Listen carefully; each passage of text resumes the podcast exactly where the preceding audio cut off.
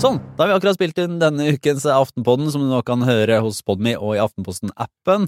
Eh, vi har, altså Når vi sitter her og, og lager denne lille teaseren, så har Trine Eilertsen måttet løpe ut til et ledermøte. Men hun var med og ga sin, altså, sa sin hjertens mening om Pepsi Max. Det ble mye Pepsi Max. Satans egen brus.